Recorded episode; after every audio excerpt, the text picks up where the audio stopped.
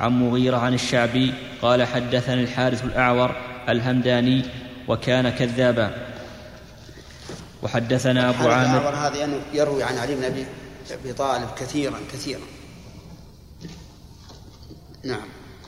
حدثنا أبو عامر عبد الله بن براد الأشعري قال حدثنا أبو أسامة عن مفضل عن مغيرة قال سمعت الشعبي يقول حدثني الحارث الأعور وهو يشهد أنه أحد الكاذبين.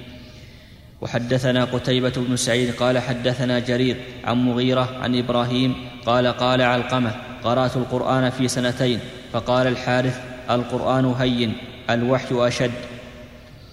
وحدثنا حجاج بن الشاعر قال حدثنا أحمد يعني ابن يونس قال حدثنا زائدة عن الأعمش عن إبراهيم أن الحارث قال تعلمت القرآن في ثلاث, في ثلاث سنين والوحي في سنتين أو قال الوحي في ثلاث سنين والقرآن في سنتين.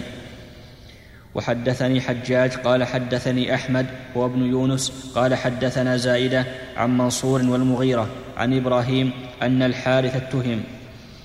وحدثنا قتيبة بن سعيد قال حدثنا جرير عن حمزة الزيات قال سمع قال سمع مرة الهمداني من الحارث شيئا فقال له اقعد بالباب قال فدخل مرة وأخذ سيفه. قال وأحس الحارث بالشر فذهب. كان كان يتهدد. نعم.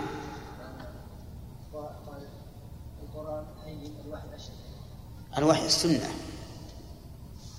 ومعنى القرآن هين يعني معناه أنه يمكن تحفظه في مدة قليلة لكن السنة كيف تحفظها بسنتين؟ وهو إشارة إلى أنه يروي أحاديث ما لا أصل.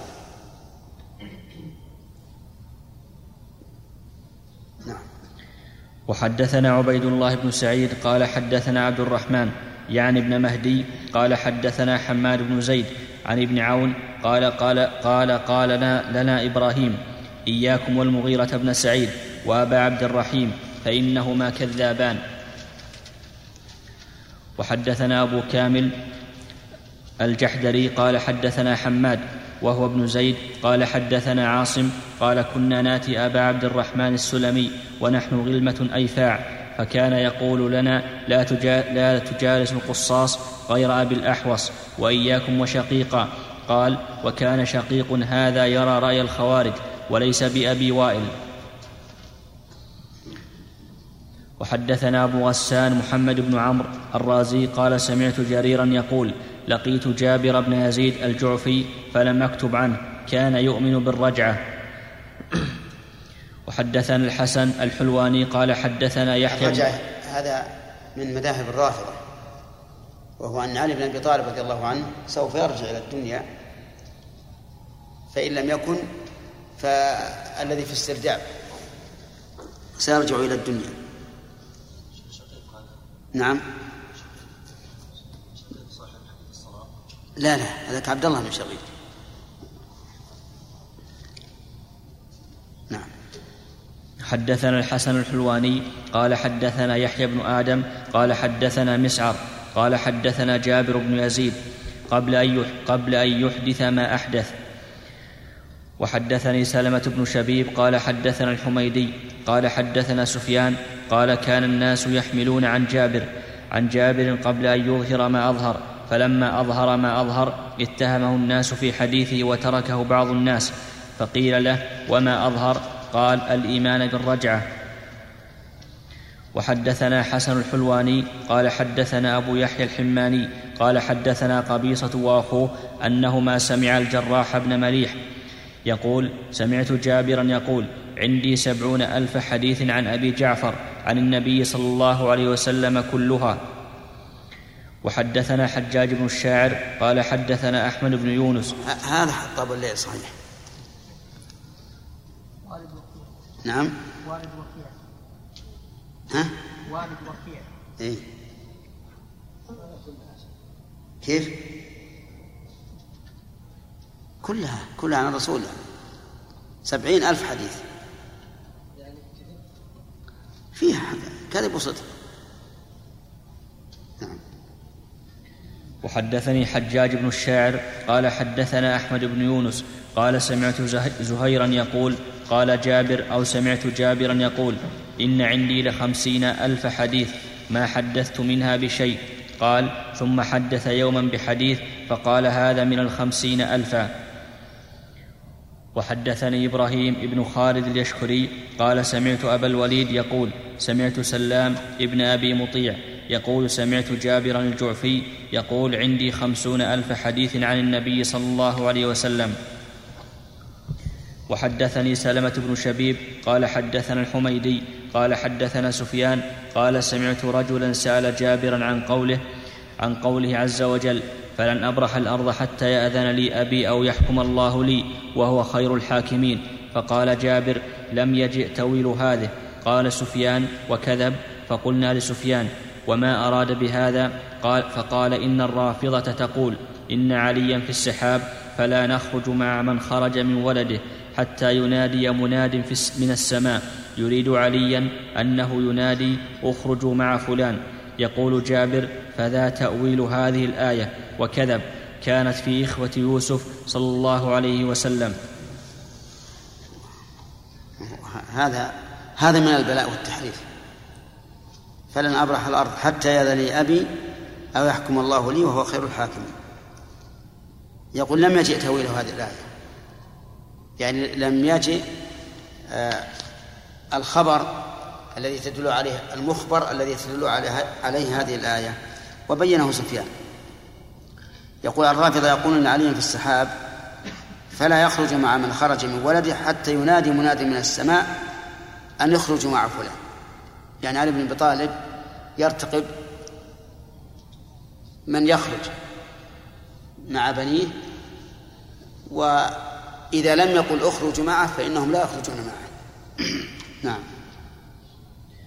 وحدثني سلمة قال حدثنا الحميدي قال حدثنا سفيان قال سمعت جابرا يحدث بنحو من ثلاثين ألف حديث ما أستحل أن أذكر منها شيئا وأن لي كذا وكذا.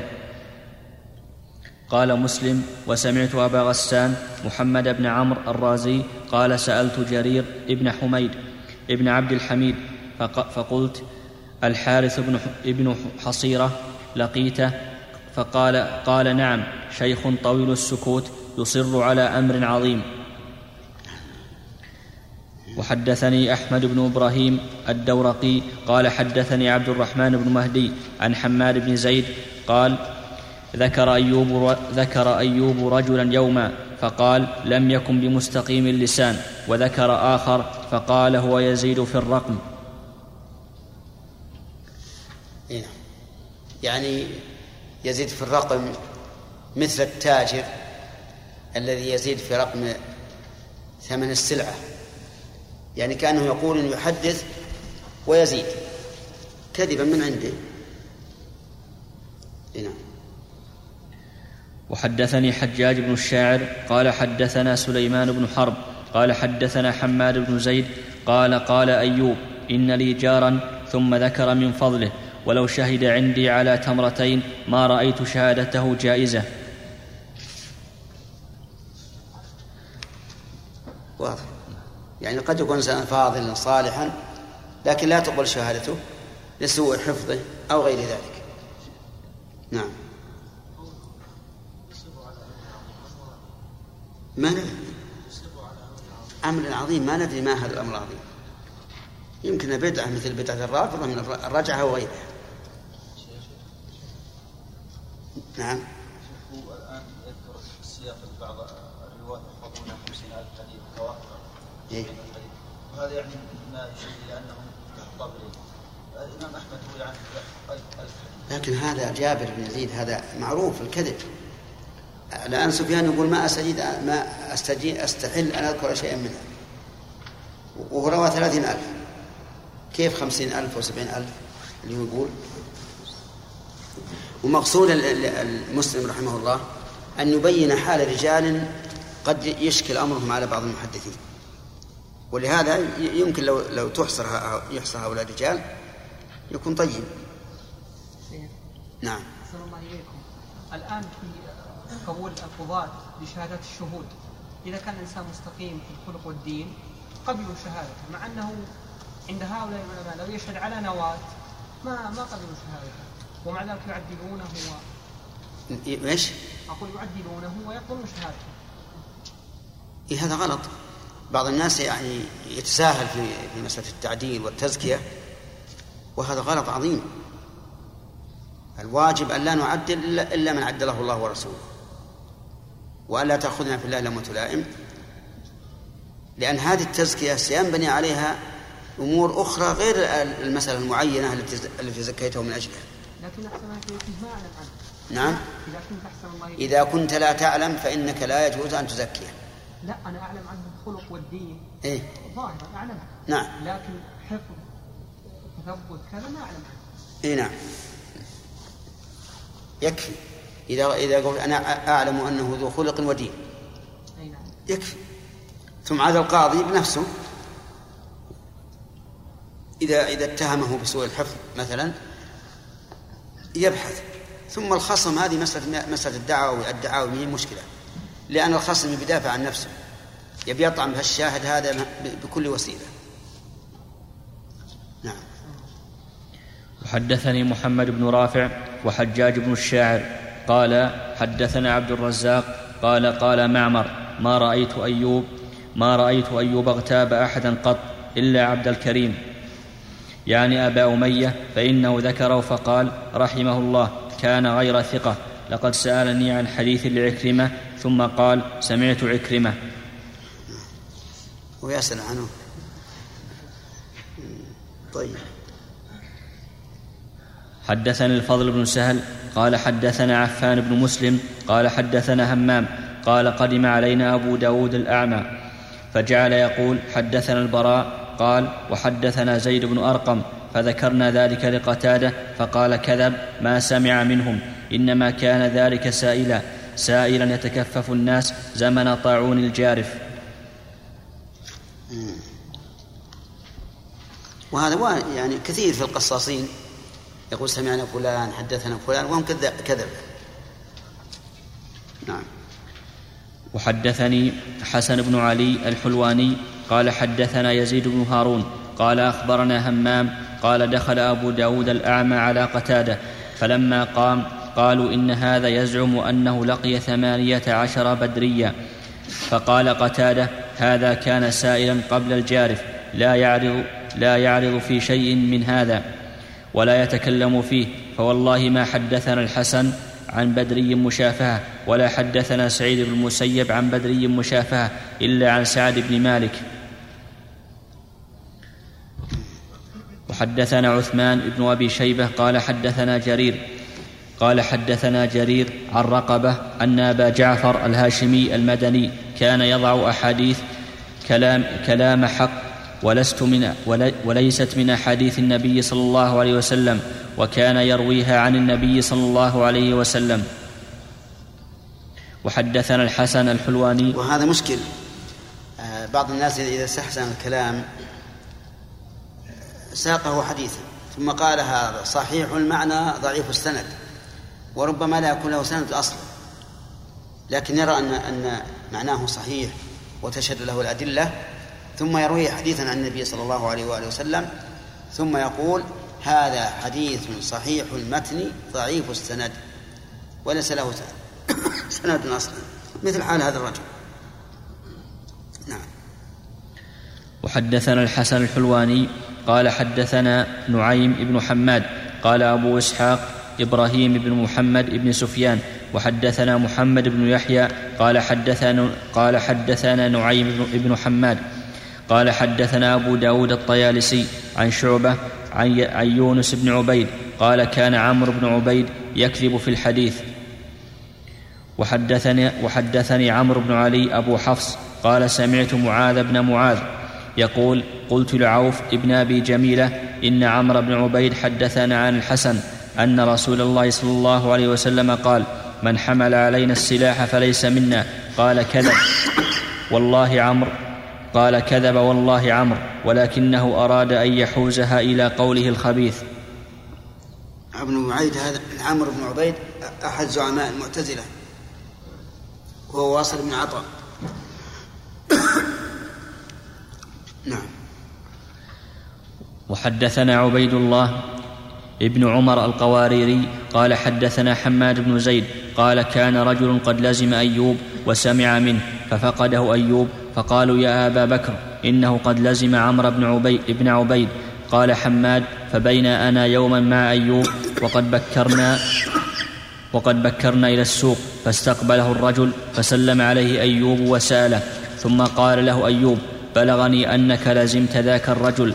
قال حماد قال حماد سماه يعني عمرا قال نعم يا أبا بكر إنه يجيئنا بأشياء غرائب. قال يقول ايوب قال يقول له أيوب إنما إنما إنما نفر أو نفرق من تلك الغرائب. وحدثني حجاج بن الشاعر قال حدثنا سليمان بن حرب قال حدثنا ابن زيد يعني حمادا قال قيل لأيوب إن عمرو بن عبيد روى عن الحسن قال لا يجلد السكران من النبيذ فقال كذب. أنا سمعت الحسن يقول يجلد السكران من النبيذ الله أصح. نعم. حديث أيوب. نعم. وحدثني حجاج قال حدثنا سليمان بن حرب قال سمعت سلام ابن أبي مطيع يقول بلغ أيوب أني آتي أني آتي عمرا فأقبل علي يوما فقال أرأيت رجلا لا تأمنه على دينه كيف تأمنه على الحديث؟ وحدثني سليمان بن شبيب قال حدثنا الحميدي. وحدثني سلمة بن شبيب قال حدثنا الحميدي. قال حدثنا سفيان. قال سمعت أبا موسى يقول حدثنا عمرو بن عبيد قبل أن يحدث. وحدثني عبيد الله بن معاذ العنبري قال حدثنا أبي قال كتبت إلى شعبة إلى شعبة أسأله عن أبي شيبة قاضي واسط فكتب إلي لا تكتب عنه شيئا ومزق, كتا ومزق كتابي. وحدثنا الحلواني قال سمعت عفان قال, حد قال حدثت حماد بن سلمة عن صالح المري بحديث عن ثابت فقال كذب وحدثت همام عن صالح المري عن صالح المري بحديث فقال كذب. وحدثنا محمود بن غيلان قال حدثنا أبو داود قال قال لي شعبة إيت جرير بن حازم فقل له لا يحل لك أن تروي عن الحسن بن عمارة فإنه يكذب. قال أبو داود قلت لشعبة وكيف ذاك؟ فقال حدثنا عن الحكم عن الحكم بأشياء لم أجد لها أصلا. قال قلت له بأي شيء؟ قال قلت للحكم أصل, أصلى النبي صلى الله عليه وسلم على قتلى أحد فقال لم يصل عليهم. فقال الحسن بن عمارة عن الحكم عن مقسم عن ابن عباس رضي الله تعالى عنه. إن النبي صلى الله عليه وسلم صلى عليهم ودفنهم. قلت للحكم ما تقول في أولاد الزنا؟ قال يصلى عليهم. قلت من حديث قلت من حديث من, ير من يروى. قال يروى عن الحسن البصري. فقال الحسن بن عمارة حدثنا الحكم عن يحيى ابن الجزار عن علي. والصواب أن الرسول عليه الصلاة والسلام لم يصلي على قتل أحد. وإنما دفنهم في ثيابهم ولم يغسلوا ولم يصلى عليهم. لكنه في آخر حياته خرج فصلى عليهم وليس صلاة الجنازة. لأن صلاة الجنازة إنما تكون في حينها قبل الدفن ولكنه صلى عليهم أي دعا لهم دعاء مطلقا وليس صلاة جنازة. هذا هو الصحيح في هذه المسألة. نعم.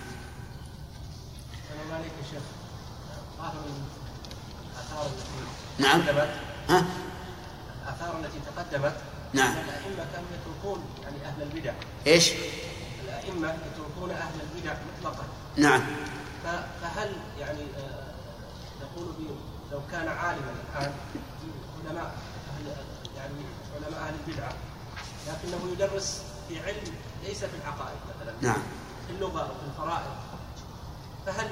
الصحيح ما استقر عليه الأمر عند عند المحدثين أن البدعة إن كانت مكفرة مكفرة فإن رواية صاحبها لا تقبل مطلقا وإن كانت مفسقة فإنها تقبل روايته إذا كان ثقة ما لم يكن مما ما لم يكن ما رواه مؤيدا لبدعته فإنه لا يقبل لاتهامه في ذلك.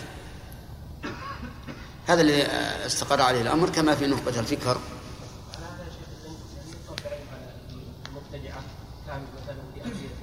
إي نعم لكن يخشى في هذه المسألة يخشى من أمرين. أحدهما أنها أن هذه هؤلاء المبتدعة عندهم ذكاء وفطنة وغالبهم عندهم عندهم بيان. فيخشى أن يستجروا هؤلاء إلى بدعتهم ولو على الأقل بالأمثلة. إذا كانوا يدرسون في النحو مثلا.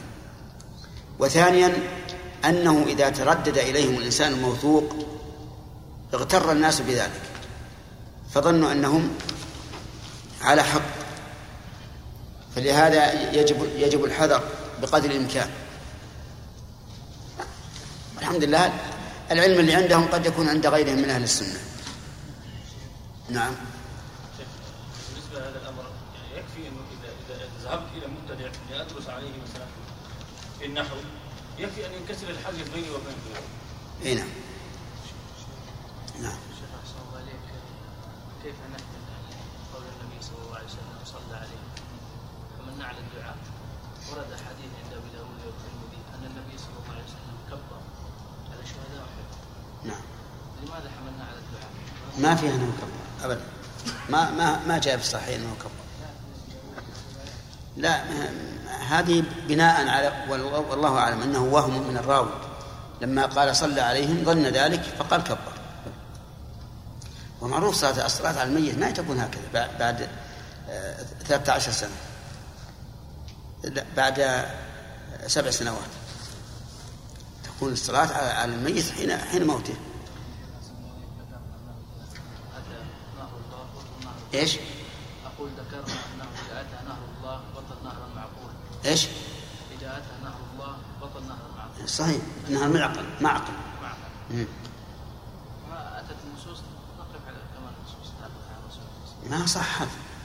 ما دام إنه في صحيح البخاري وغيره ولم يصلي عليه. صحيح؟ صريح واضح. نعم. وحدثنا الحسن الحلواني قال سمعت يزيد بن هارون وذكر زياد بن ثم ميمون على فرض على فرض أن سلمنا جدلا أنه صلى عليه وسلم نقول إذا مات الشهيد فلا تصلي عليه إلا بعد سبع سنوات. لا تصلي عليه الآن. والمسألة في الصلاة المسألة الخلافية في الصلاة عليه الآن.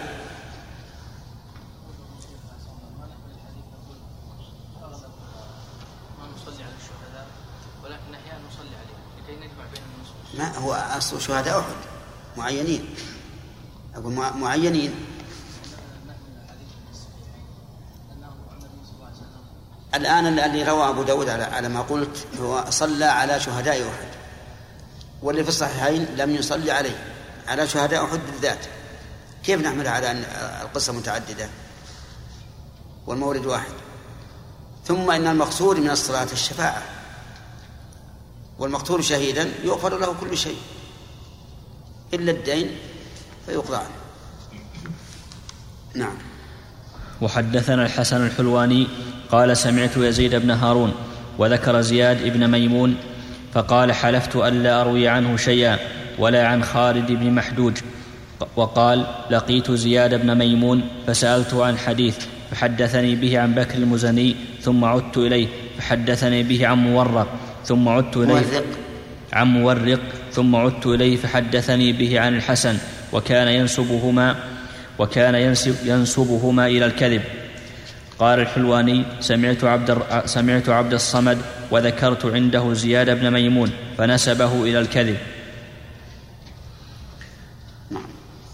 وحدثنا محمود بن غيلان قال قلت لأبي داود الطيالسي قد أكثرت عن عباد بن منصور فما لك فما لك لم تسمع منه حديث العطارة. الذي روى الذي روى لنا النضر بن شميل. قال لي اسكت فأنا لقيت زياد بن ميمون وعبد الرحمن بن مه... ابن وعبد الرحمن بن مهدي. فسألناه فقلنا له هذه الأحاديث هذه الأحاديث التي ترويها عن أنس عن أنس. فقال أرأيتما رجلا يذنب فيتوب؟ فيتوب أليس يتوب الله عليه؟ قال قلنا نعم. قال ما سمعت من أنس من ذا الأكثر يقولون؟ بلى. قلنا بلى لكن قد تأتي أحيانا فتجاب بنعم. نعم. قال ما سمعت من أنس من ذا قليلا ولا كثيرا. إن كان لا إن كان لا يعلم الناس فأنتما لا تعلمان. فأنتما لا تعلمان أني لم ألق أني لم ألق أنسا. قال أبو داود فبلغنا بعد أنه يروي فأتيناه أنا وعبد الرحمن فقال أتوب ثم كان بعد يحدث فتركناه. أقول هذا مرائي إذا جاءه الثقات قال أتوب وإذا انصرفوا حدث.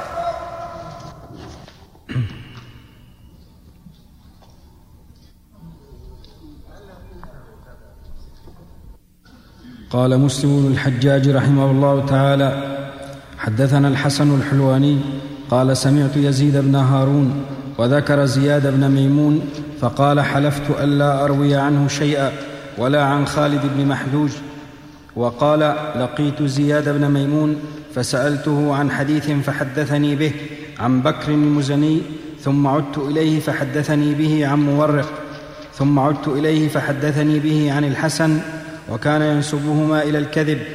قال الحلواني سمعت عبد الصمد وذكرت وذكرت عنده زياد بن ميمون فنسبه إلى الكذب. بسم الله الرحمن الرحيم. سبق لنا أن ذكرنا لو أن أحدكم أخذ هذه الأسماء من هذه المقدمة وذكر ما قيل في كل واحد منهم لكان جيدا حتى إذا مر عليه. في سند من المسانيد إذا هو قد عرف حال هذا الرجل. نعم. وحدثنا محمود بن غيلان قال قلت لأبي داود الطيالسي قد أكثرت عن عباد بن منصور فما لك لم تسمع منه حديث العطارة الذي روى الذي روى لنا النضر ابن شميل. قال لي أسكت فأنا لقيت زياد بن ميمون وعبد الرحمن بن مهدي فسألناه فقلنا له هذه الأحاديث التي ترويها عن أنس؟ فقال أرأيتما رجلا يذنب فيتوب؟ أليس يتوب الله عليه؟ قال قلنا نعم. قال ما سمعت من أنس من ذا قليلا ولا كثيرا. إن كان لا يعلم الناس فأنتما لا تعلمان. أنا إني أني شيخ أني لم ألق أنسا. قال أبو داود فبلغنا بعد أنه يروي فأتيناه أنا وعبد الرحمن فقال أتوب ثم كان بعد يحدث فتركناه. الحمد بالله نسأل الله العافية.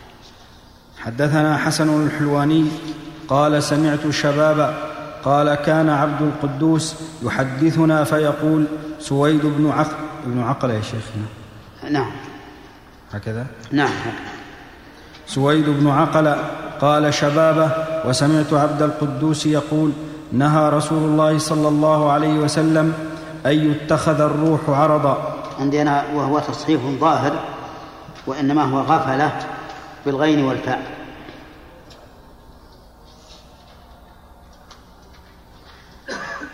نعم ها؟ كيف؟ هذا في في المقدمة في أولها.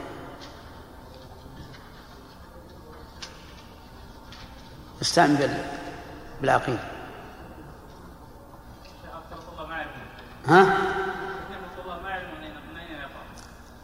نحن نقرأ في المقدمة الصحيح مسلم. مسلم بن الحجاج.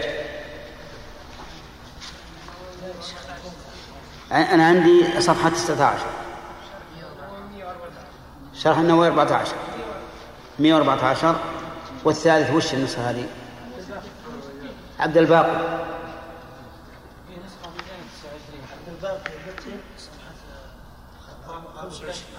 عبد الباقي 25 طيب.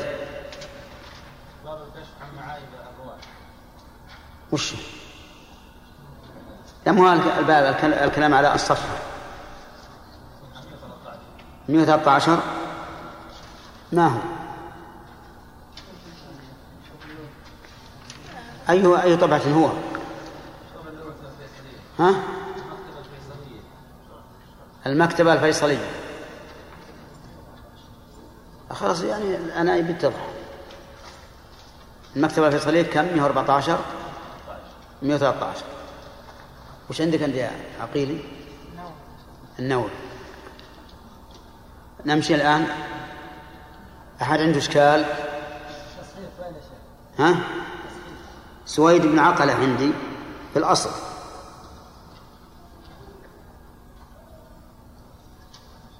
يقول كان عبد الله آه، نعم. كان عبد القدوس يحدثنا فيقول سويد بن عقلة هذا عبد القدوس حرف أو صح. يقول قوله قال عبد القدوس الآخر أراد بهذا الحديث بيان تصحيف عبد القدوس عبد القدوس وغباوته واختلال ضبطه. فإنه قال في الإسناد سويد بن عقلة بالعين والقاف وهو تصحيف ظاهر وإنما هو غفلة بالغين والفاء. وقال في المتن الروح عرضا بالضبط الذي تراه. أصبر. ومعنى الروح هو ومعنى الروح بالفتح هو النسيم وهو تصحيف قبيح وخطأ صريح وصوابه الروح بضم الراء غرضا بالغين المعجمة والراء المفتوحتين.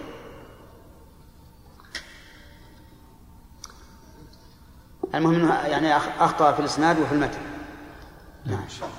قال فقيل له أي قال كان عبد القدوس. قال قال كان عبد القدوس يحدثنا فيقول سويد بن عقل. قال شبابه وسمعت عبد القدوس يقول نهى رسول الله صلى الله عليه وسلم أن يتخذ الروح عرضا. قال فقيل له أي شيء هذا؟ قال يعني تتخذ كوه في حائط ليدخل عليه الروح. قال مسلم وسمعت عبيد الله. حرف المعنى بناء على تحريف اللفظ. اللفظ. يعني أن يتخذ الروح عرضا يعني ما تشد بعرض الحائط الفرجة للهواء. أفهمتم الآن؟ نعم هذا هذا التفسير بناء على إيش؟ الخطأ. على الخطأ في اللفظ. والصواب أن أن يتخذ الروح غرضا يعني أن تتخذ حيوان كالطير مثلا أمامك وترمي ترمي إليه ليتبين المصيب من المخطئ. واضح يا جماعة؟ الناس إذا أرادوا يترامون الآن يجعلون غرضا أمامهم عودا أو قرطاسة أو خرقة أو أي شيء يترامون عليه أيهم يصيب فنهى الرسول عليه الصلاة والسلام أن يتخذ الروح يعني الحيوان ذا الروح غرضا يرمى إليه لما في ذلك من تعذيبه وإتلاف ماليته. نعم. لكن الأخ هذا حرف اللفظ والمعنى. ولا لا؟ نعم. اللفظ بإيش؟ بقوله الروح عرضا. والمعنى أنه جعل الروح بمعنى الكوة يدخل مع تدخل مع الريح وعرضا يعني في الحائط. نعم. قال مسلم وسمعت عبيد الله بن عمر القواريري يقول سمعت حماد بن زيد يقول لرجل بعدما جلس مهدي بن هلال بأيام ما هذه العين المالحة التي نبعت قبلكم؟ قال نعم يا أبا إسماعيل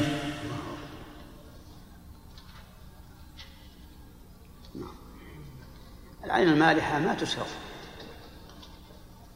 أليس كذلك؟ بل. العين المالحة لا تشرب ولو شربها الإنسان لانهمر بطنه. وفسد مزاجه. أي نعم.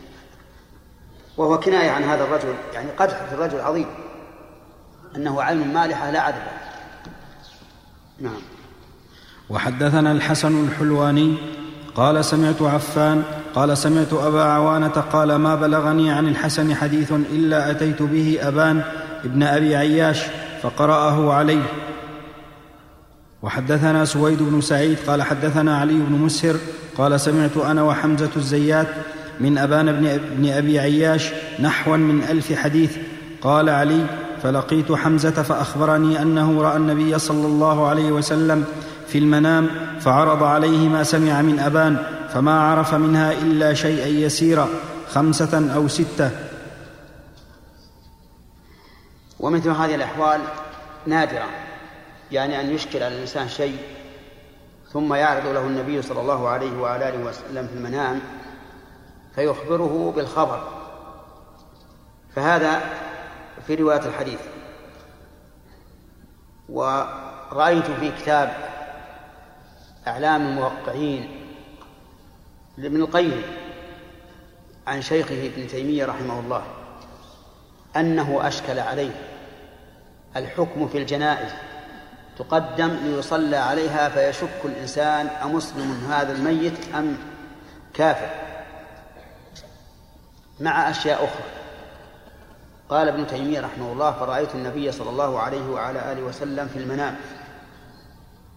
فاستفتيته في ذلك ماذا نصنع في هذه الجنائز؟ فقال النبي صلى الله عليه وعلى آله وسلم فيما رواه عنه ابن تيمية في المنام قال عليك بالشرط يا أحمد. وهذه لا شك كرامة لشيخ الإسلام ابن تيمية أن الله ييسر له منبع العلم ليغترف منه. ثم كرامة أخرى أن النبي صلى الله عليه وعلى آله وسلم علم أن اسم هذا الرجل من أمته إيش؟ أحمد. وهذه لا شك أنها كرامة يشهد بها لشيخ الإسلام ابن تيمية رحمه الله. فإن قال قائل فهل أنتم تعملون بالمنامات في مثل هذا؟ فالجواب إن كان له أصل في الشرع وهذا فرع منه. أو كان له أصل في الشرع وهذا مقيس عليه يعني بأن في الأول يكون عمومات ويأتي هذا على التفصيل. وفي الثاني قياس فإننا نعمل به. أما إذا لم يكن له أصل فإننا لا نعمل في المنامات. وهذا القول وسط بين الخرافيين الذين يعملون في كل منام حتى إن بعضهم والعياذ بالله يدعي أنه رأى الله. وأنه حدث حدثه وأملى عليه شرعه. وبعض الناس ينكر هذا مطلقا ويقول إن الأموات لا يمكن أن يحسوا بشيء من, أحوال الأحياء أبدا. وعادة يكون القول الوسط هو الوسط. يكون القول الوسط هو الوسط. بينهما فرق ولا لا؟ ما الفرق؟ الوسط بين متطرفين والوسط الخيار المقبول. فما ذكره النبي صلى الله عليه وعلى آله وسلم فيما رواه عنه شيخ الإسلام ابن تيمية في المنام له أصل في الشرع. ففي الأحكام قال النبي صلى الله عليه وعلى آله وسلم لضباعة بنت الزبير وقد اشتكت إليه وهي تريد الحج. قال حجي واشترطي أن محلي حيث حبستني فإن لك على ربك ما استثنيت. يعني قولي إن حبسني حابس فمحلي حيث حبستني. هذا في الأحكام. في الدعاء في آية المناعنة والخامسة أن لعنة الله عليه وهذا دعاء. مقيد أو مطلق؟ متى؟ إن كان من الكاذبين. وتقول هي والخامسة أن غضب الله عليها إن كان من الصادقين. وبناء على على الشاهد الشرعي لهذه الرؤيا حكمنا بصحتها. وعلى هذا فإذا قدم لنا ميت وكان مشهورا بالتهاون بالصلاة فإننا لا نجزم بالدعاء له بل نقول اللهم إن كان مؤمنا فاغفر له. وإن قدم لنا من نعلم أنه لا يصلي وأنه لم يتب فإنه يحرم علينا أن نصلي عليه ويجب علينا أن ننصرف إلا أن يشهد شاهدان على إسلامه ورجوعه إلى إلى الإسلام بالصلاة. لأن الله تعالى قال في المنافقين ولا تصلي على أحد منهم مات أبدا ولا تقم على قبره. والصلاة على الميت طلبوا المغفرة له. وقد قال الله تعالى ما كان للنبي والذين آمنوا أن يستغفروا للمشركين ولو كانوا أولي قربى من بعد ما تبين لهم أنهم أصحاب الجحيم. وأورد على هذا استغفار إبراهيم حيث قال لأبيه حيث قال في أبيه واغفر لأبي إنه كان من الضالين. فقال الله تعالى مجيبا على هذا السؤال المقدر المفروض قال وما كان استغفار إبراهيم لأبيه إلا عن موعدة وعدها إياه فلما تبين له أنه عدو لله تبرأ منه. إن إبراهيم لأواه حليم. ورسول الله صلى الله عليه وعلى آله وسلم أكرم الناس جاها عند الله فيما نعلم. قال لما استأذن من ربه سبحانه وتعالى أن يستغفر لأمه أبى الله عليه أن يستغفر لها لأنها ماتت وهي مشركة. أبى الله أن يستغفر لها فاستأذن ربه أن يزور قبرها. فأذن له. يزور القبر لا للدعاء لها ولكن للاعتبار. فزار القبر ووقف عليه وجعل يبكي صلى الله عليه وعلى آله وسلم. وبكى الناس معه. فالحاصل أن الرؤيا المنامية إن شهد لها شاهد في الشرع فهي إيش؟ عجيب يا جماعة. مقبولة. وإن شهد وإن لم يشهد لها شاهد ما هو إن شهد شاهد بكذبها؟ وإن لم يشهد لها شاهد فإنها لا تقبل إذا كان في ذلك تغيير لشرع الله. طيب إذا هذا الذي ذكر في مسلم في مقدمة الصحيح فيه رؤيا منامية في إيش؟ في رواية الحديث. عرض عليه أحاديث فلم يعرف منها إلا الشيء اليسير. نعم. بالإمكان أن يعرض عليه ألف حديث في منام ثم لا يقبل منها إلا خمسة أو ستة. لا يقول شيئا يسيرا. خمسة أو ستة. أي نعم لكنه عرض عليه ما سمعه من ابان وهو سمع ألف حديث. ما لا نستطيع أن نقول إنه عرض أكثرها عرض كلها عرضها كلها كما هو ظاهر اللفظ. ربما يكون عرض عليها الأكثر أو أنه عرضها عليه في ليالي مو ليلة واحدة. نعم. شيخ بارك الله فيكم. إذا سلم الإنسان على على شخص الظاهر أن دولته أكثرها مسلمين لكن فيه كفار هل يشترط و لا ما يعمل بالأكثر. بارك الله قوله تعالى وصاحبهما في الدنيا معروف. إذا كان الأبوين مشركين وإن جاهداك يقول مولى عز وجل وإن جاهداك على أن تشرك وصاحبه يقول مولى عز وجل وصاحبهما في الدنيا معروف. نعم. هل بمعنى يعني يعني أعطهم النفقة إذا كان فقيرين. يعني أعنهم لا. إلا بالهداية. ما دام حيين ادعو الله ادعو الله لهما بالهداية. ثلاثة أسئلة. قاعدة. نعم. حدثنا عبد الله بن عبد الرحمن الدارمي قال أخبرنا زكريا ابن عدي قال قال لي أبو إسحاق الفزاري اكتب عن بقية ما روى عن المعروفين ولا تكتب عنه ما روى عن غير المعروفين ولا تكتب عن إسماعيل بن بن عياش ما روى عن المعروفين ولا عن غيرهم. وحدثنا إسحاق بن إبراهيم الحنظلي قال سمعت بعض أصحاب عبد الله قال قال ابن المبارك نعم الرجل بقية لولا أنه كان يكني الأسامي ويسمي الكنى. كان دهرا يحدثنا عن أبي سعيد الوح الوحاضي فنظرنا فإذا هو عبد القدوس. وهذا أيضا يفعلها بعض بعض المحدثين تلبيسا وتمويها وتدنيسا لأنه إذا ذكره باسمه العلم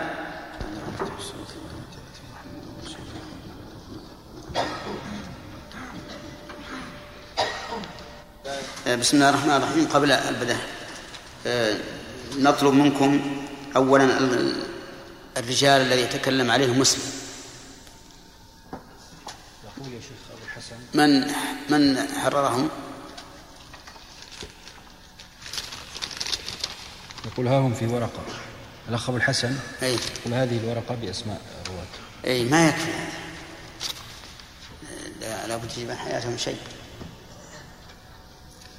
أيضا الأحاديث اللي في المقدمة فيها أحاديث مسندة ورجالها لا بأس به فيها أحاديث مهم مسندة. من يريد أن يعتني بتخريجها؟ العباس؟ طيب. ها؟ كله في المقدمة. إيه. واجعل لك دفتر لأنه ربما يمر علينا أحاديث أيضا تحتاج إلى تحرير أو أحاديث مثل تشتمل على فوائد كثيرة تقيد. نعم. بسم الله الرحمن الرحيم. الحمد لله رب العالمين وصلى الله وسلم على نبينا محمد وعلى آله وصحبه أجمعين. قال مسلم ما عندنا؟ ما أشبك؟ لا ما جرب. قال مسلم رحمه الله تعالى حدثنا إسحاق بن إبراهيم الحنظلي. كيف؟ حدثنا إسحاق. من فضلك. انتهينا. اقلب الشريط. وقفنا على عشرين. طيب. هذا عشرين. حدثني أحمد بن يوسف الأزدي. قال سمعت عبد الرزاق يقول ما رأيت ابن المبارك يفصح بقوله كذاب إلا لعبد القدوس فإني سمعته يقول له كذاب. وحدثني عبد الله ابن عبد الرحمن الدارمي قال سمعت أبا نعيم وذكر المعلى بن عرفان فقال قال حدثنا أبو وائل قال خرج علينا ابن مسعود بصفين فقال أبو نعيم أتراه بعث بعد الموت؟ حدثني عمرو بن علي وحسن الحلواني كلاهما عن عفان بن مسلم قال كنا عند إسماعيل بن علية فحدث رجل عن رجل فقلت إن هذا ليس بثبت. قال فقال الرجل اغتبته. قال إسماعيل ما اغتابه ولكنه حكم أنه ليس بثبت. وحدثنا أبو جعفر الدارمي قال هذا يستفاد منه في الفقه أن الإخبار بحال الشخص من هذا وما, وما سبق. الإخبار بحال الشخص هل هو ثقة أو غير ثقة كذاب أو صدوق؟ ليس من الغيبة في شيء بل هو من النصيحة. وقد قال النبي عليه الصلاة والسلام لفاطمة بنت قيس حين استشارته بالذين خطبوها قال أما معاوية فصعلوك لا مال له وأما أبو جهم فضراب للنساء. فبين حالهما. وهذا لا يعد من الغيبة بل هو من النصيحة. نعم. وحدثنا أبو جعفر الدارمي قال حدثنا بشر بن عمر قال سألت مالك بن أنس عن محمد بن عبد الرحمن الذي يروي عن سعيد بن المسيب فقال ليس بثقة وسألته عن صالح مولى التوأمة فقال ليس بثقة وسألته عن أبي الحويرث فقال ليس بثقة وسألته عن شعبة الذي روى عنه ابن أبي ذئب فقال ليس بثقة وسألته عن حرام بن عثمان فقال ليس بثقة. وسألت مالكا عن هؤلاء الخمسة فقال ليسوا بثقة في حديثهم. وسألته عن رجل آخر نسيت اسمه فقال هل رأيته في كتبي؟ قلت لا. قال لو كان ثقة لرأيته في كتبي. هذا كسوابق في بيان أن ذكر الرجل بما تقتضيه حاله نصيحة لله وللمسلمين لا يعد هذا غيبة وفي قوله لو كان ثقة لرأيته في كتبي يعني لو كان ثقة لرأيته في كتبي لو كان ثقة لرأيته في كتبي. يعني لو كان ثقة عندي. وليس في هذا افتخار أو مدح للنفس بل بيان للواقع. وكأنه يقول للسائل لا تكثر من السؤال إذا لم ترى الرجل في كتبي فإن حكمي عليه أنه ليس بثقة نعم. يا شيخ يعني الآن من أخرج له مالك في الموطأ يكون مالك قد وثقه؟ أي نعم هذا ضع... هذا ظاهر الكلام عنه. قال في أول الحديث سألت مالك بن أنس. نعم. ثم قال وسألت مالكا عن هؤلاء الخمسة. أي نعم. فيه نسخة سألت مالك. بدون واو. في نسخة. لا كرر الكلام. سألت مالك بن أنس عن محمد فلان. سألت مالكا عن هؤلاء الخمسة. النسخة الثانية اللي بالهامش أصح. نعم. إذا لم يكن حرف عطف ما في إشكال. سألت مالك عن فلان عن فلان عن فلان عن فلان. سألته عن هؤلاء الخمسة. النسخة اللي عندنا لو تكتبونها بال- بالهامش. نعم.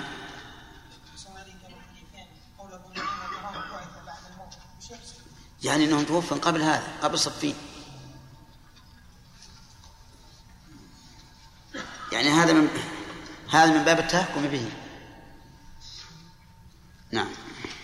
وحدثني الفضل بن سهل قال حدثني يحيى بن معين قال حدثنا حجاج قال حدثنا ابن أبي ذئب عن شرحبيل بن سعد وكان متهما. وحدثني محمد بن عبد الله ابن قهزاد قال سمعت أبا إسحاق الطالقاني يقول سمعت ابن المبارك يقول لو خيرت بين أن أدخل الجنة وبين أن ألقى عبد الله ابن محرر. لاخترت لاخترت أن ألقاه ثم أدخل الجنة. فلما رأيته كانت بعرة أحب إلي منه.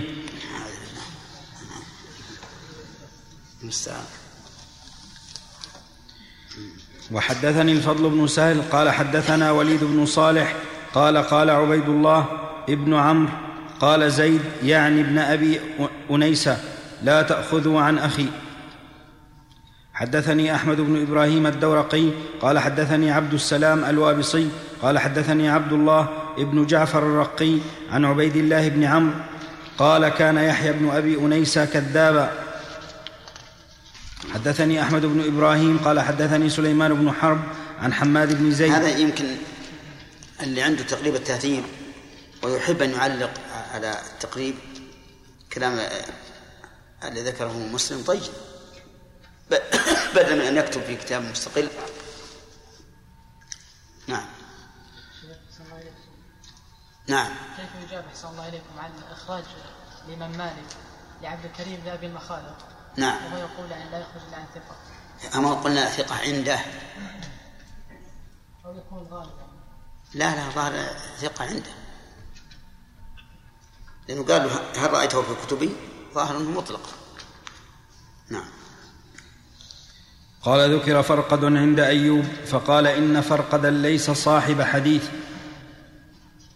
وحدثني عبد الرحمن بن بشر العبدي قال سمعت يحيى بن سعيد القطان ذكر عنده محمد بن عبد الله بن عبيد بن عمير الليثي فضعفه جدا فقيل ليحيى أضع فقيل ليحيى أضعف من يعقوب بن عطاء.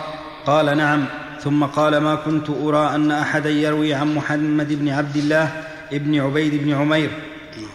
حدثني بشر بن الحكم قال سمعت يحيى بن سعيد القطان ضعف حكيم بن جبير وعبد الأعلى وضعف يحيى بن موسى بن دينار. قال حديثه ريح. وضعف موسى بن. وضعف موسى بن دهقان وعيسى بن أبي عيسى المدني. قال وسمعت الحسن بن عيسى يقول قال لي ابن المبارك إذا قدمت على جرير فاكتب علمه كله إلا حديث ثلاثة لا تكتب حديث عبيدة بن متعب ابن معتب والسري ابن إسماعيل ومحمد بن سالم. قال مسلم قال مسلم وأشباه ما ذكرنا من كلام أهل العلم في متهمي رواة الحديث وأخبارهم عن معايبهم كث وإخبارهم عن معايبهم كثير يطول الكتاب بذكره على استقصائه. وفيما ذكرنا كفاية لمن تفهم وعقل مذهب القوم. فيما قالوا من ذلك وبينوا وإنما ألزموا يا شيخ ولا ألزموا. وإنما ألزموا أنفسهم الكشف عن معايب رواة الحديث وناقل الأخبار وأفتوا بذلك حين سئلوا لما فيه من عظيم الخطر إذ الأخبار في أمر الدين إنما تأتي بتحريم أو تحريم أو أمر أو نهي أو ترغيب أو ترهيب فإذا كان الراوي لها ليس بمعدن للصدق والأمانة ثم أقدم على الرواية عنه من قد عرفه ولم يبين ما فيه لغيره من ممن جهل ممن جهل معرفته كان آثما بفعله. ذلك غاشا لعوام المسلمين إذ لا يؤمن على بعض من سمع تلك الأخبار أن يستعملها أو يستعمل بعضها ولعلها أو أكثرها أكاذيب لا أصل لها. مع شيخ؟ مع أن الأخبار مع أن الأخبار الصحاح من رواية الثقات وأهل القناعة أكثر من أن يضطر إلى نقل من ليس بثقة ولا مقنع. كأنه يقول رحمه الله فيما صح من الأخبار غنى عما كان ضعيفا وهو كذلك. وهذا مما يدل على أنه لا ينبغي أو لا تنبغي رواية الحديث الضعيف حتى في فضائل الأعمال. اللهم إلا رجلا يسوق الحديث الضعيف ليبين أنه ضعيف حتى لا يغتر الناس به فهذا واجب.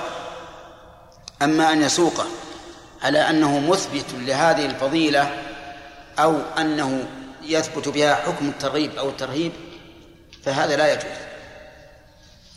لأن ما صح عن النبي عليه الصلاة والسلام فيه الكفاية.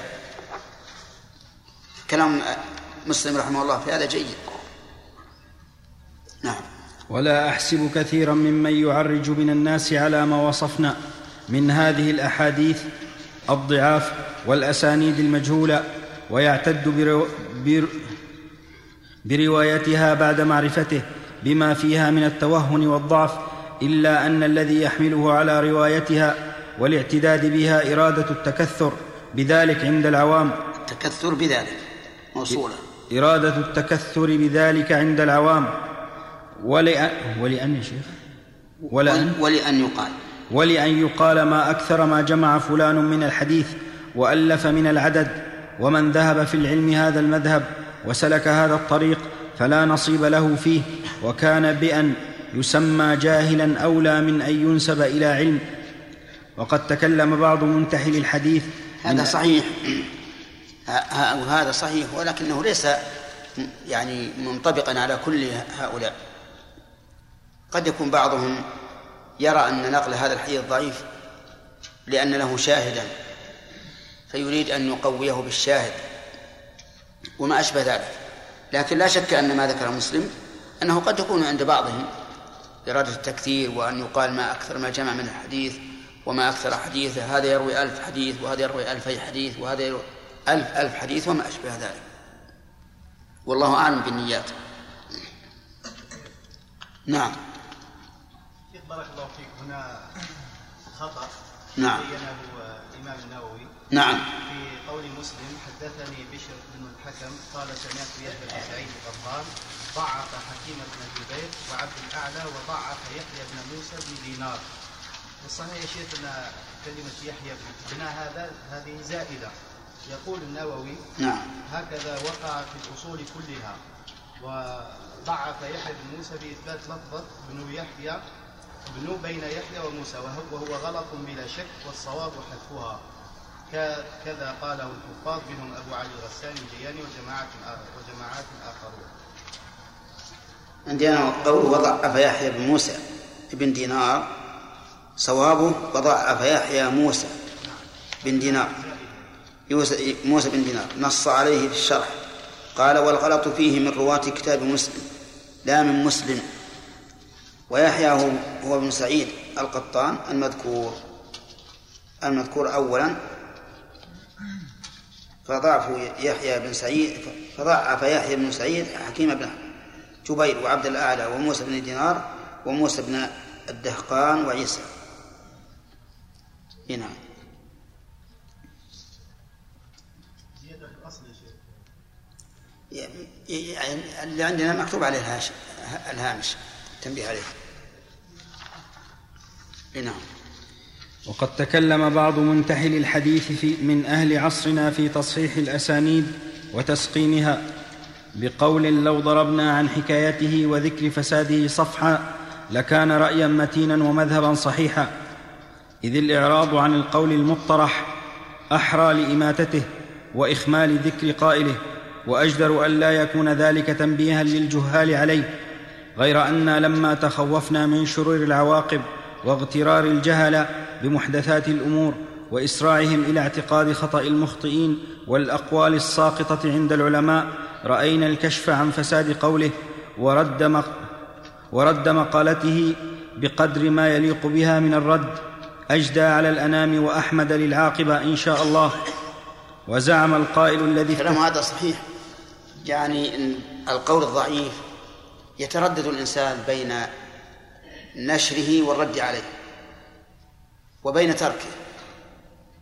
فنقول رأينا أتكلم بعض منتهى الحديث من أهل عصرنا في تصحيح الأسانيد وتسقيمها بقول لو ضربنا عن حكايته وذكره وذكر فساده صفحا لكان رأيا متينا ومذهبا صحيحا. ثم علل إذ الإعراض عن القول المطرح أحرى لإماتته وإحمال ذكر قائله. وأجدر وأجدر أن لا يكون ذلك تنبيها للجهال عليه غير أن تخوفنا. وهذا صحيح. ولذلك إذا أردت الشيء ينتشر فرد عليه.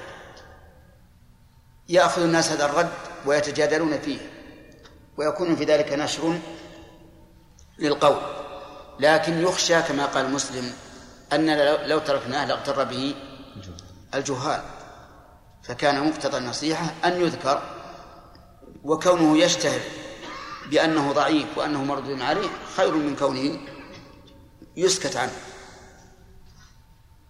نعم.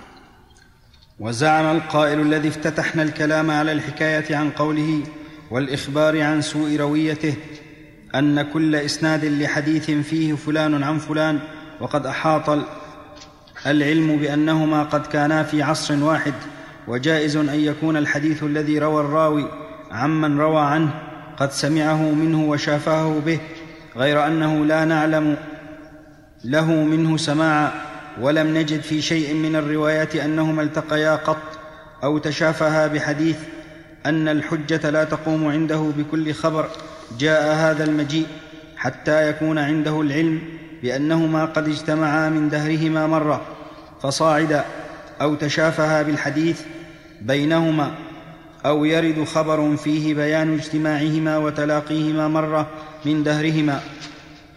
فما فوقها فإن لم يكن عنده علم ذلك ولم تأت رواية صحيحة تخبر أن هذا الراوي عن صاحبه قد لقيه مرة وسمع منه شيئا لم يكن في نقله الخبر عمن روى عنه ذلك. والأمر كما وصفنا حجة وكان الخبر عنده موقوفا. نعم لم يكن في نقله. لم يكن في نقل الخبر. لم يكن في نقله اقرأ اقرأ. لم يكن في نقله الخبر عمن روى عنه ذلك والأمر كما وصفنا حجة. حجة هذه اسم يكن. يعني لم يكن في نقل الخبر عما روى عنه ذلك والأمر كما وصفنا يعني أنه لم يجتمع به ولم يشافه. لم يكن فيه حجة. نعم. وكان الخبر عنده موقوفا حتى يرد عليه سماعه منه لشيء من الحديث قل أو كثر في رواية مثل ما ورد. من قال هذا؟ هذا قول البخاري رحمه الله. وعجبا أن يقول مسلم هذا القول في شيخه مع أنه أصوب من مسلم. لا شك أن أن مجرد المعاصرة لا يكون حجة لجواز أن يكون بينهما واسطة. وهذه المسألة تنقسم إلى أقسام.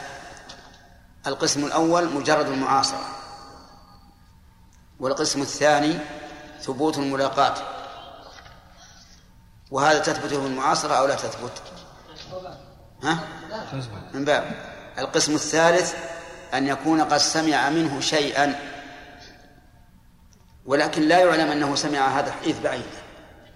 والقسم الرابع أن يكون سمع منه هذا الحديث بعينه. القسم الرابع متفق على أنه حجة ولا أحد يخالف في هذا الشيء. والقسم الثالث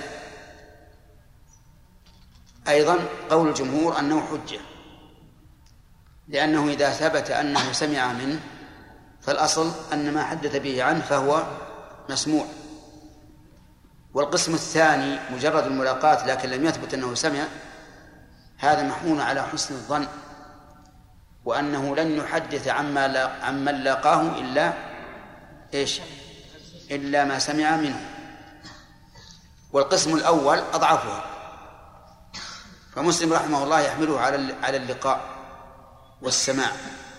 والبخاري لا يحمله على على اللقاء والسماع. ولهذا كان شرط البخاري أمتن وأصح أنه يشترط لصحة الحديث إيش؟ الملاقاة. اشترط أن يكون لاقاه. وكما عرفتم أن الملاقاة يعني عقلا قد يقول قائل لا يلزم من ملاقاته له أن يحدثه. قد يلاقيه قد يلاقيه ويتحدثان بحديث وقد لا يتحدثان وقد يتحدثان بأمر دنيوي. لكن مع ذلك من أجل إحسان الظن بالرواة نقول إنه إذا ثبت ملاقاته وحدث عنه بلفظ ليس فيه التصريح بأنه حدثه أو سمع منه فإنه يحمل على إيش؟ على السماع. نعم. نعم ذكر عن الإمام مسلم رحمه الله تعالى أنه كان يقول البخاري أنت أستاذ الأستاذين في الحديث وقبل رأسه. كيف يقول أنه ينتحل علم الحديث يقال هذا يقال في البخاري. لا تقول كيف. هذا هو الواقع. يمكن ما ما يقصد البخاري. ما- منتحل نعم. أليس البخاري رحمه الله يراه رأي؟ الرأي؟ طيب. يمكن يرى يتكلم بغيره. طيب إذا تكلم في غيره وهو مذهبه. ما يكون يناقض نفسه. الله أعلم الله أعلم. الله أعلم ما ندري. النيات عند الله. نعم. بعض أهل الحديث يقولون يقولون أن قول البخاري هو ال- قول الجمهور. نعم. وقول مسلم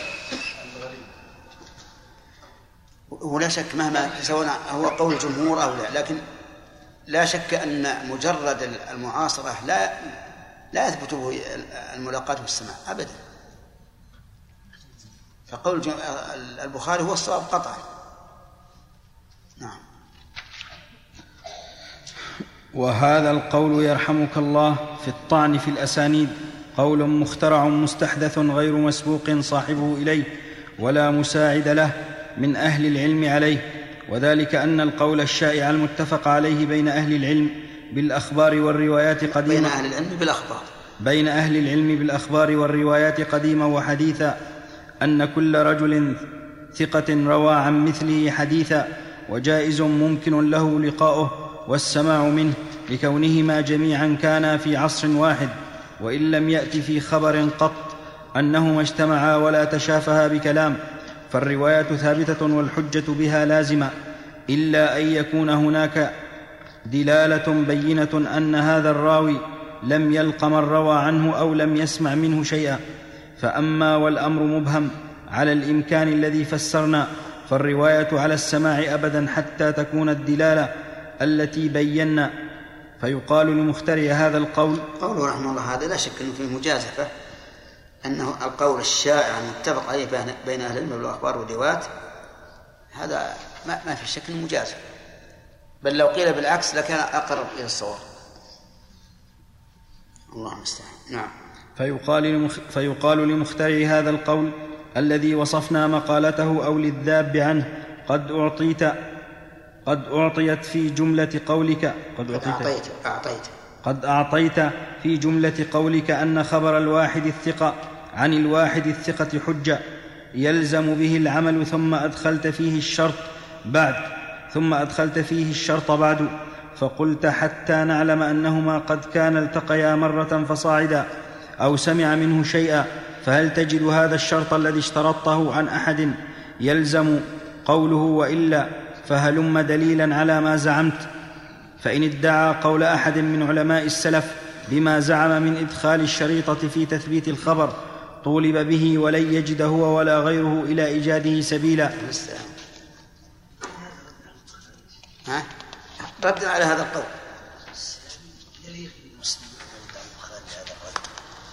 أولا نسأل هل البخاري يشترط اللقاء ولا لا؟ اللقاء. يشترط اللقاء. هل هذا الكلام من مسلم؟ ينصب على من اشترط اللقاء ولا لا؟ نعم؟ ينصب هو لا ينكر الآن. يقول ما هو شرط؟ اللقاء. إذا تعاصر فهو محمول على اللقاء. إلا إذا كان هناك بينة أنهما لم يلتقيا. هذا شيء معروف.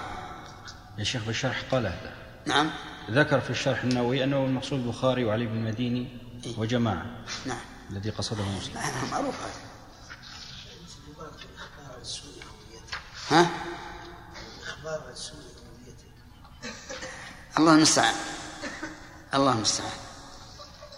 مسلم رحمه الله حتى قوله في بالضعفاء قبل قليل إنهم يريدون التكثير والإكثار وما أشبه ذلك ما يجوز لأن بعضهم قد لا يريد لا يريد هذا. ما يمكن نحكم بهذا على كل واحد. الله المستعان. نعم. هذا كما ذكر الذهبي أنه رحمه الله في خلقه حدة. اي بس ود يعني نود أن لم يكن في في قلبه إساءة الظن. لكن على كل حال نسأل الله له الرحمة. هو مجتهد. نعم. وإن هو ادعى فيما زعم دليلا يحتج به قيل له وما ذاك الدليل؟ فإن قال قلته لأني وجدت رواة الأخبار قديما وحديثا يروي أحدهم عن الآخر. الحديث يروي أحدهم عن الآخر الحديث ولما تابع ولما يعاينه ولا سمع منه شيئا قط فلما رأيتهم استجازوا رواية الحديث بينهم هكذا على الإرسال من غير سماع والمرسل من الروايات في أصل قولنا وقول أهل العلم بالأخبار ليس بحجة. احتجت لما وصفت من العلة إلى البحث عن سماع راوي كل خبر عن راويه. فإذا أنا هجمت على سماعه منه لأدنى شيء ثبت عندي بذلك جميع ما يروي عنه. ثبت عندي يا شيخ. فإذا أنا فإذا أنا. نعم. فإذا أنا هجمت على سماعه منه لأدنى شيء ثبت عندي بذلك جميع ما يروي عنه. بعد فإن عزب عني معرفة ذلك أوقفت الخبر ولم يكن ها؟ كيف؟ عندي عندي. فإذا أنا هجمت على سماعه منه لأدنى شيء ثبت عندي بذلك. لا ثبت عن عندي بذلك جميع ما يروى عنه. ثبت عنه عندي يعني فيها زيادة عنه. ما يضر.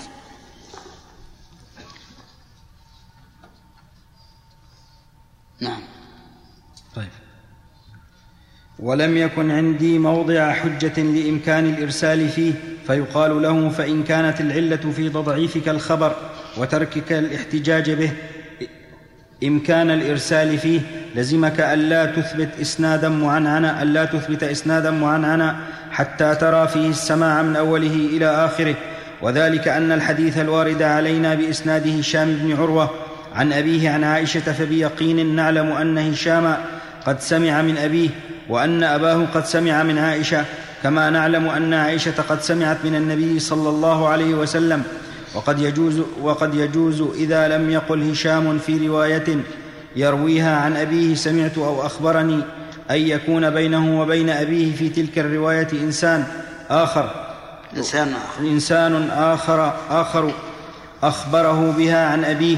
ولم يسمعها هو من أبيه لما أحب أن يرويها مرسلا ولا يسندها إلى من سمعها منه. نعم. لم ولم يسمعها هو من أبيه لما أحب أن يرويها مرسلا ولا يسندها ولا يسندها إلى إلى من سمعها منه. وكما يمكن ذلك في هشام عن أبيه فهو أيضا ممكن في أبيه عن عائشة.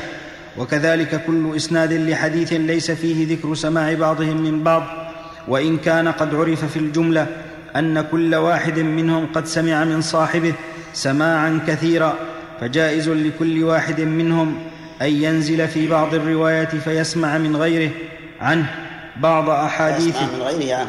أن يسمع من غيره عنه بعض أحاديثه ثم يرسله عنه أحيانا ولا يسمي من سمع منه وينشط أحيانا. فيسمي الرجل الذي حمل عنه الحديث ويترك الإرسال. وما قلنا من هذا موجود في الحديث مستفيض من فعل ثقات المحدثين وأئمة أهل العلم. لكن هذا الذي قاله ليس بلازم.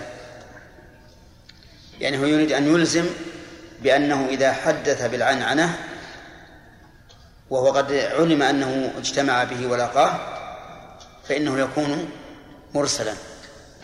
لاحتمال أن يكون بينهما واصل فيقال هذا الاحتمال غير وارد. لماذا؟ لأنه من المعلوم أن الراوي بالعنعنة حديثه متصل إلا من عرف بالتدليس. والكلام في من لم يعرف بالتدليس. وعلى هذا فما ذكره رحمه الله ليس بلازم. نعم. شيخ إذا علم إذا علم أن المحدث ليس بمدلس وأنه ثقة نعم. فما فائدة اشتراط اللقي بعد المعاصرة بعد علمنا بأنه ثقة وغير مدلس نعم. لأن إذا لم نعلم أنه أنه لقاه إذا لم نعلم أنه لقاه فإننا نعلم أن الأصل عدم اللقاء. لكن إذا علمنا أنه لاقاه فالأصل أنه سمعه منه.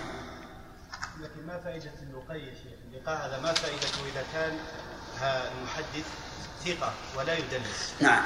فما فائدة اللقي حينئذ؟ الفائدة لإمكان أن يكون سمعا.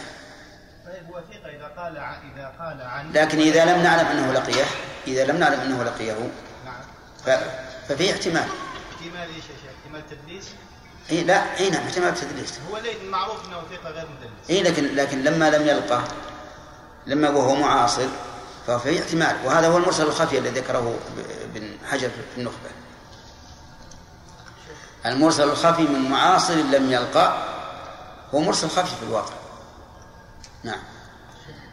شيخ في كلام مسلم أقول في كلام مسلم كأنه يلزم البخاري أنه يشترط السماع في كل حديث وهو لم يشترط البخاري. يشترط أن يروي الراوي يعني هو يلزمه أنه إذا عنعن فإنه لا, لا يصح عنده. احتمال أن يكون بينهما واسطة. لكن هذا ليس بلازم. أبدا ما يلزمه حتى نحن لنا أن نرى أنه لا يلزمه وسنذكر من رواياتهم على الجهة التي ذكرنا عددا يستدل بها على أكثر منها إن شاء الله تعالى. فمن ذلك أن أيوب السختياني وابن المبارك ووكيعا وابن نمير وجماعة غيرهم رووا عن هشام بن عروة عن ابيه عن عائشه رضي الله عنها قالت كنت أطيب رسول الله صلى الله عليه وسلم لحله ولح ولحرمه بأطيب ما أجد. فروى هذه الرواية بعينها الليث بن سعد وداود العطار وحميد بن الأسود ووهيب بن خالد وأبو أسامة عن هشام. قال أخبرني عثمان بن عروة عن عروة عن عائشة عن النبي صلى الله عليه وسلم وروى هشام عن أبيه عن عائشة أنها قالت كان النبي صلى الله عليه وسلم إذا اعتكف يدني إلي رأسه فأرجله وأنا حائض. فرواها بعينها مالك بن أنس عن الزهري عن عروة عن عمرة عن عائشة عن النبي صلى الله عليه وسلم.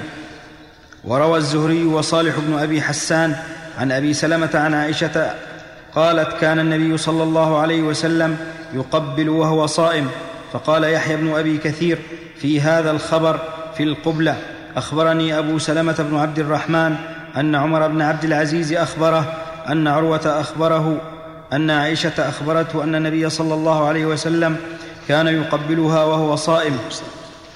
وروى ابن أبي عيينة وغيره عن عمرو بن دينار عن جابر قال أطعمنا رسول الله صلى الله عليه وسلم لحوم الخيل ونهانا عن لحوم الحمر. فرواه حماد بن زيد عن عمرو عن محمد بن علي عن جابر عن النبي صلى الله عليه وسلم وهذا النحو في الروايات كثير يكثر تعداده وفيما ذكرنا منها كفاية لذوي الفهم فإذا كانت العلة عندما وصفنا قوله من من قبل في فساد الحديث وتوهينه إذا لم يعلم أن الراوي قد سمع ممن روى عنه شيئا امكان الإرسال فيه لزمه ترك الاحتجاج في قياد قوله برواية من يعلم أنه قد سمع ممن روى عنه إلا في نفس الخبر الذي فيه ذكر السماع. لما بينا من قبل عن الأئمة الذين نقلوا الأخبار أنهم كانت لهم تارات أنهم كانت لهم تارات يرسلون فيها الحديث إرسالا ولا يذكرون من سمعوه منه. وتارة ينشطون فيها فيسندون الخبر على هيئة على هيئة ما سمعوا فيخبرون بالنزول فيه إن نزلوا وبالصعود إن صعدوا كما شرحنا ذلك عنهم وما علمنا أحدا من أئمة السلف ممن يستعمل الأخبار ويتفقد صحة الأسانيد وسقمها مثل أيوب السختياني وابن عون ومالك بن أنس وشعبة بن الحجاج ويحيى بن سعيد القطان وعبد الرحمن بن مهدي ومن بعدهم من أهل الحديث فتشوا عن موضع السماع في الأسانيد كما ادعاه الذي وصفنا قوله من قبل. وإنما كان تفقد من تفقد منهم من تفقد منهم سماع رواة الحديث ممن روى عنهم إذا كان الراوي ممن عرف بالتدليس في الحديث وشهر به فحينئذ يبحثون عن سماعه في روايته ويتفقدون ذلك منه. كي تنزاح عنهم علة التدليس فمن ابتغى ذلك من غير مدلس على الوجه الذي زعم الذي زعم من حكينا قوله فما سمعنا ذلك عن أحد ممن سمينا ولم نسم ولم نسم من الأئمة فمن ذلك أن عبد الله بن يزيد كلامه الأخير انتقل إلى إلى إلى شيء آخر وهو ثبوت السماع وكما قلت لكم من المسألة أربعة أقسام. الأول والثاني اللقاء والثالث سماع السماع منه مطلقا والرابع سماع الحديث بعينه. نعم. ففي الأخير تحدث عن سماع عن السماع. وفي الأول كان عن اللقي. ولا شك أنه إذا ثبت السماع فهو أقوى مما إذا ثبت مجرد اللقي. وإذا ثبت السماع سماع الحديث بعينه فهو أقوى مما إذا ثبت سماعه على سبيل الإطلاق دون سماعه لهذا الحديث بعينه. ولهذا نجد أن أكثر الحديث والحمد لله كلها فيها سمعت فلانا حدثنا فلان أخبرنا فلان. والمسألة الآن إنما تكون فيما كان معنعنا أما ما صرح فيه بالتحديث والإخبار والسماع فلا إشكال فيه والناس متفقون عليه. لا كلام على لكن الكلام على من؟ إيش؟ عن من عنها هذا هو هل يحمل على الاتصال أو لا؟ فمسلم يرى أنه متصل. ما دامت المعاصرة ثابتة ما لم نعلم أنه إيش؟ لم يتصل. مثل لو كان أحدهما في المشرق والثاني في المغرب و و ولم يعني يحصل اتفاق بينهما. نعلم أنه لم يحصل اتفاق بينهما والآخرون يرون أنه لا يحمل على الاتصال. حتى يثبت أنه لاقاه فإذا ثبت أنه لاقاه فحينئذ نقول إذا حدث عنه بلفظ عنه فهو سامعه منه. نعم. أحسن الله إليكم. إذا إذا كان هذا شرط مسلم يقتضي وجود كثير من الأحاديث المتكلم فيها في صحيح. حتى هذه ينظر أو ينظر فيها.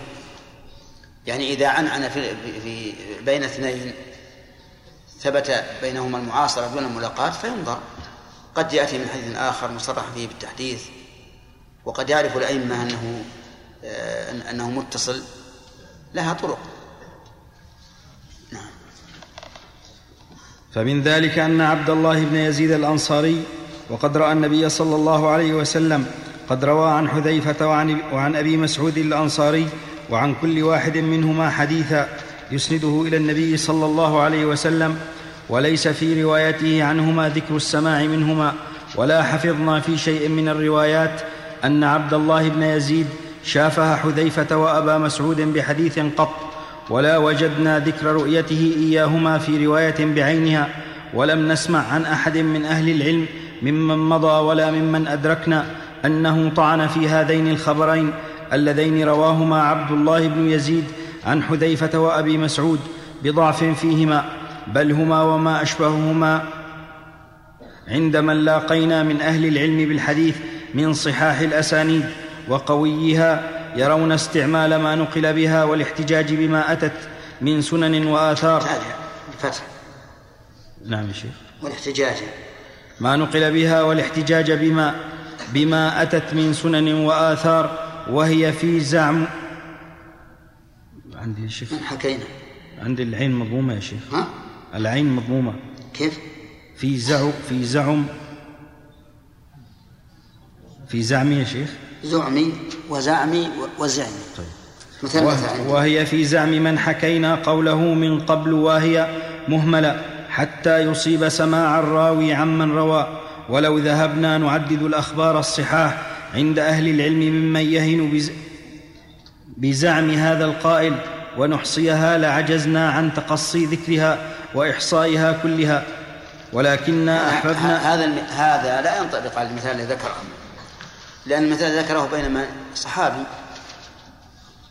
والصحابي لا يمكن احتمال التدريس في حقه ولهذا يقول من رأى النبي صلى الله عليه وسلم فإذا روى عن حذيفة وابن مسعود وقد رأى النبي صلى الله عليه وسلم فهو صحابي.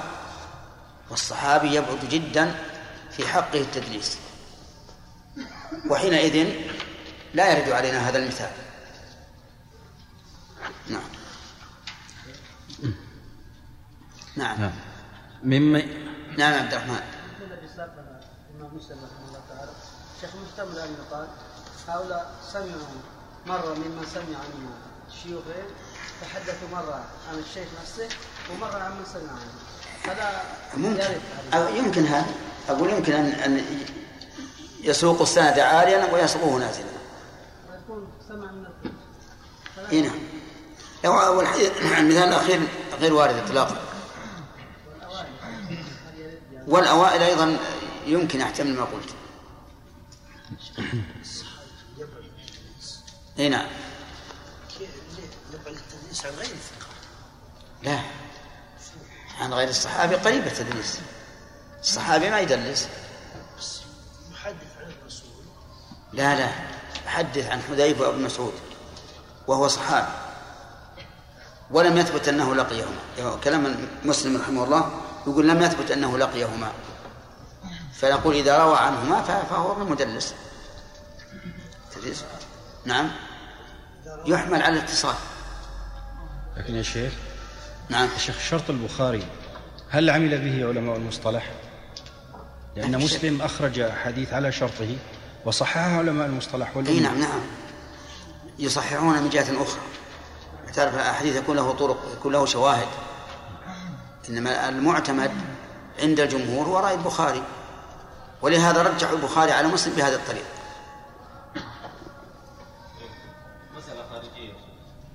الخارجية تكون في في السوق. لا تدخل المسجد. لحوم لحوم الخيل يا شيخ استدل به على حديث. نعم. وروى ابن عيينة وغيره عن عمرو بن دينار عن جابر قال أطعمنا الرسول صلى الله عليه وسلم لحوم الخيل ونهانا عن لحوم الحمر. فرواه حماد بن زيد عن عن عمرو بن عن محمد بن علي عن جابر عن النبي صلى الله عليه وسلم نعم سمع طيب. حتى يصيب سماع الراوي عمن روى ولو ذهبنا نعدد الأخبار الصحاح نعم. عند أهل العلم من يهن بزعم هذا القائل ونحصيها لعجزنا عن تقصي ذكرها وإحصائها كلها ولكنا أحببنا أن ننصب منها عددا. يكون نعم. يكون سمة سمة لما سكتنا عنه منها. يكون سمة لما سكتنا عنه. منها على على هذا.